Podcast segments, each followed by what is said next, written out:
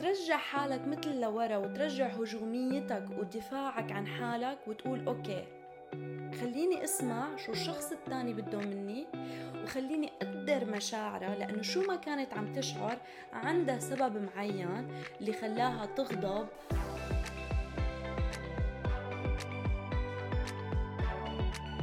hello my friends وأهلا وسهلا فيكم بحلقة جديدة من my podcast شابو أنا مارو إذا كانت هاي أول مرة عم تحضروا هيدا البودكاست أو حضرتوا عدة حلقات وعجبكم بكون كتير ممنونة إذا ضغطتوا على زر ال subscribe لأنه ال platform اللي عم تحضروا فيها هيدا البودكاست إذا كان يوتيوب أنغامي أو سبوتيفاي على قد ما بتشوف إنه عدد المتابعين عم يزدادوا على قد ما بتقترح هيدا البودكاست لأشخاص تانيين من الممكن يكون مهتمين بمواضيع تطوير الذات.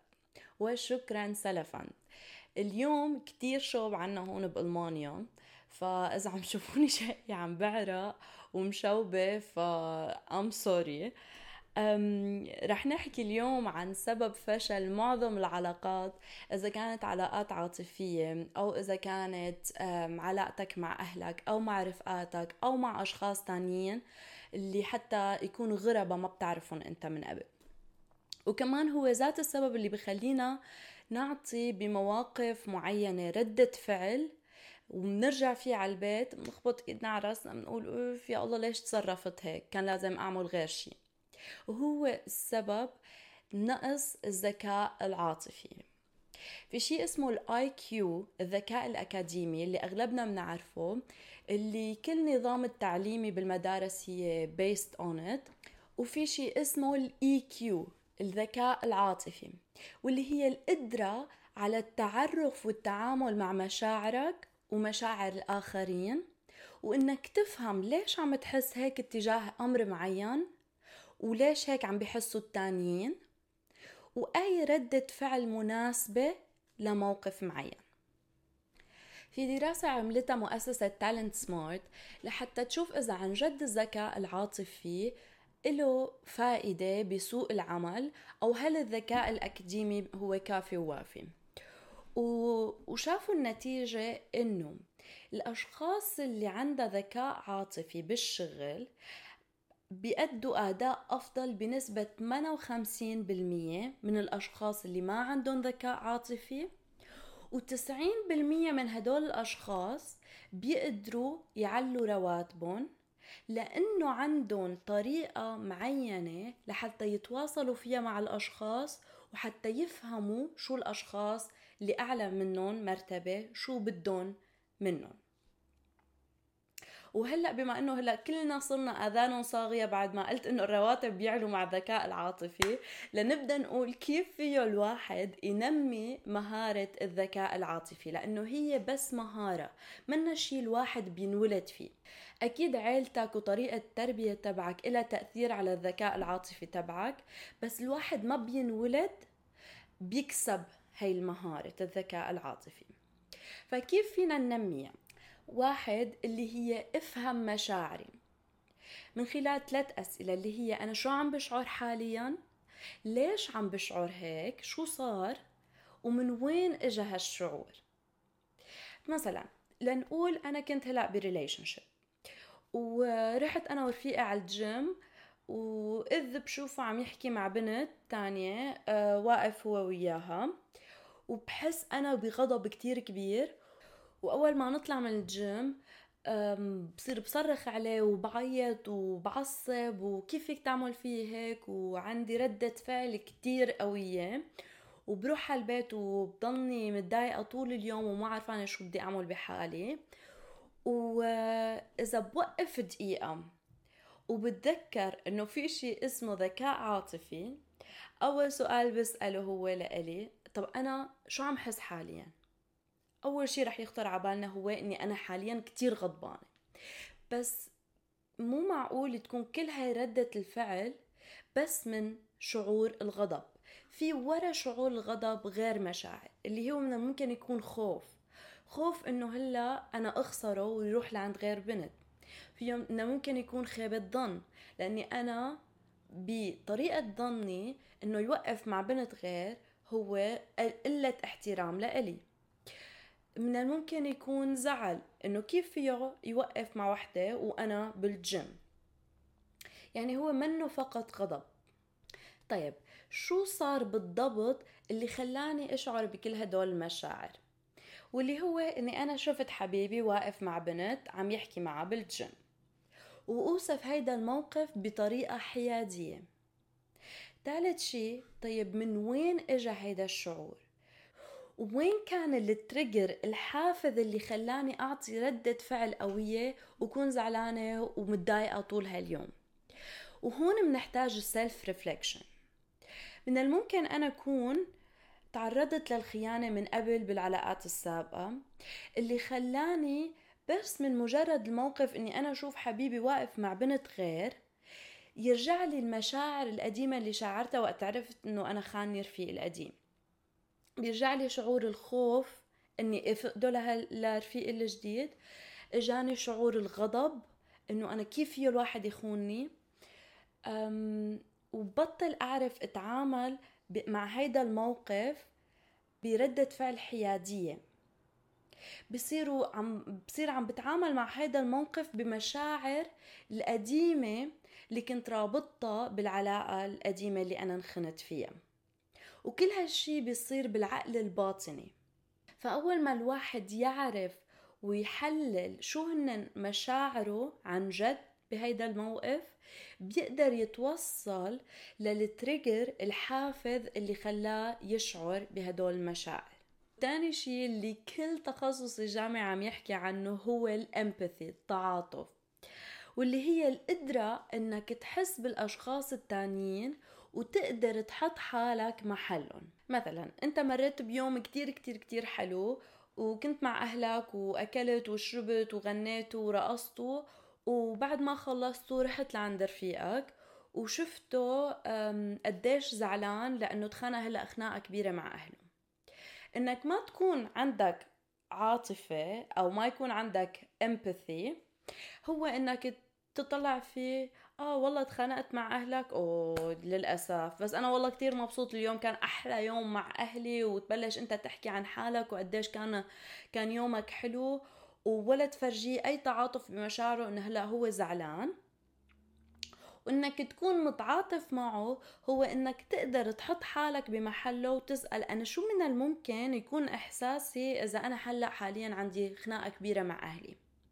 شو أنا كون محتاج حاليا بهالدقيقة وبهي الموقف إنه حدا يعمل لي أو رحت أنت اليوم على شغلك وشفت حدا جديد آه، مو عرفان وين يروح وشو يشتغل وشو يعمل أول يوم عنده بالشغل.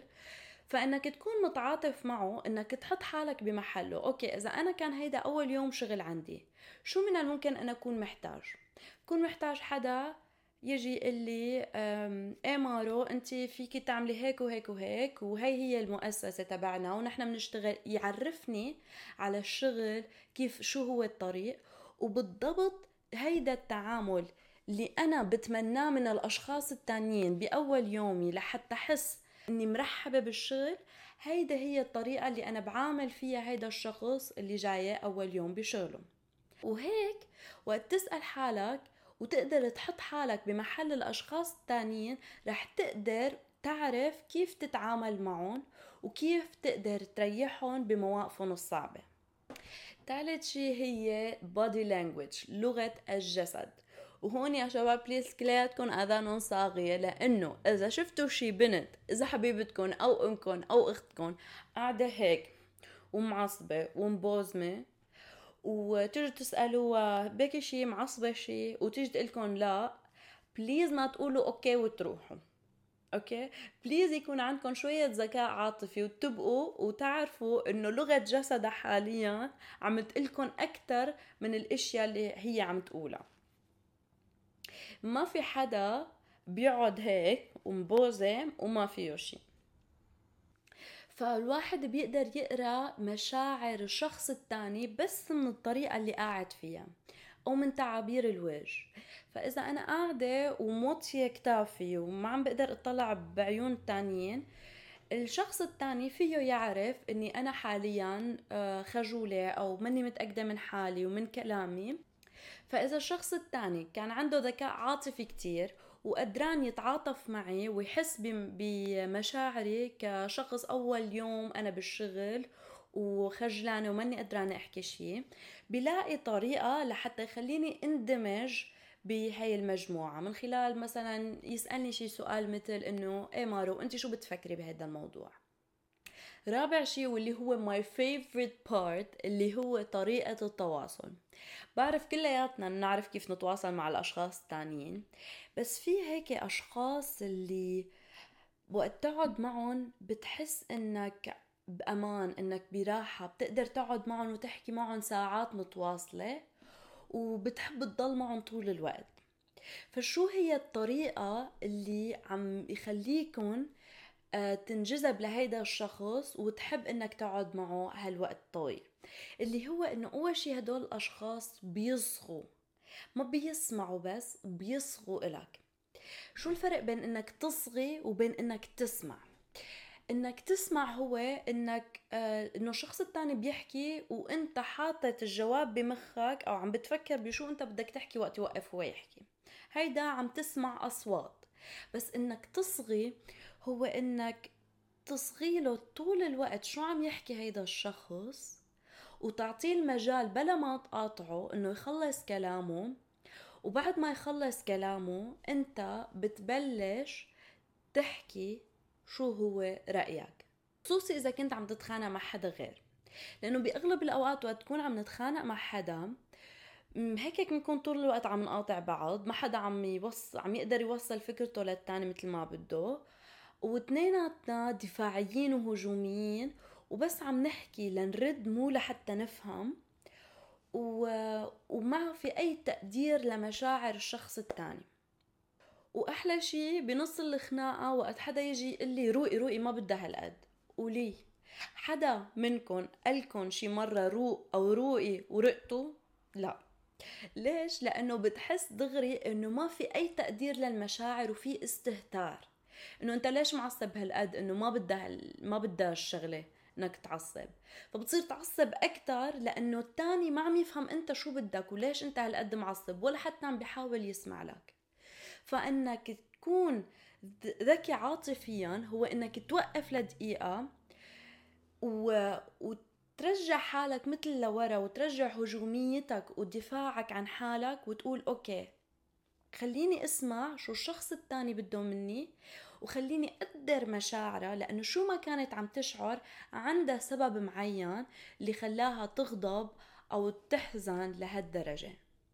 فما تكون أنت الشخص اللي عم بيقرر شو هو الشعور الصح وشو هو الشعور الغلط للشخص اللي مقابلك. سو so, هدول الأربع أشياء. أول شيء إنك تفهم مشاعرك إنك تتعلم إنك تتعاطف مع الشخص التاني وتقدر تحط حالك بمحله. إنه تتعلم كيف تقرأ لغة الجسد على الشخص التاني وآخرا طريقة تواصلك مع الأشخاص التانيين هيدا كان كل شي بدي أقوله لليوم بتمنى إني قدرت فيتكم. وإذا كان عندكم أي نصيحة أو أي شي بتحبوا تشاركوني فيه فبكون مبسوطة كتير إذا كتبتولي على الإنستغرام. اسم الإنستغرام شابو وذ مارو. وبتمنى إنه عجبتكم الحلقة. وشابو لكل مستمعينا. Uh, see you next time. Bye bye.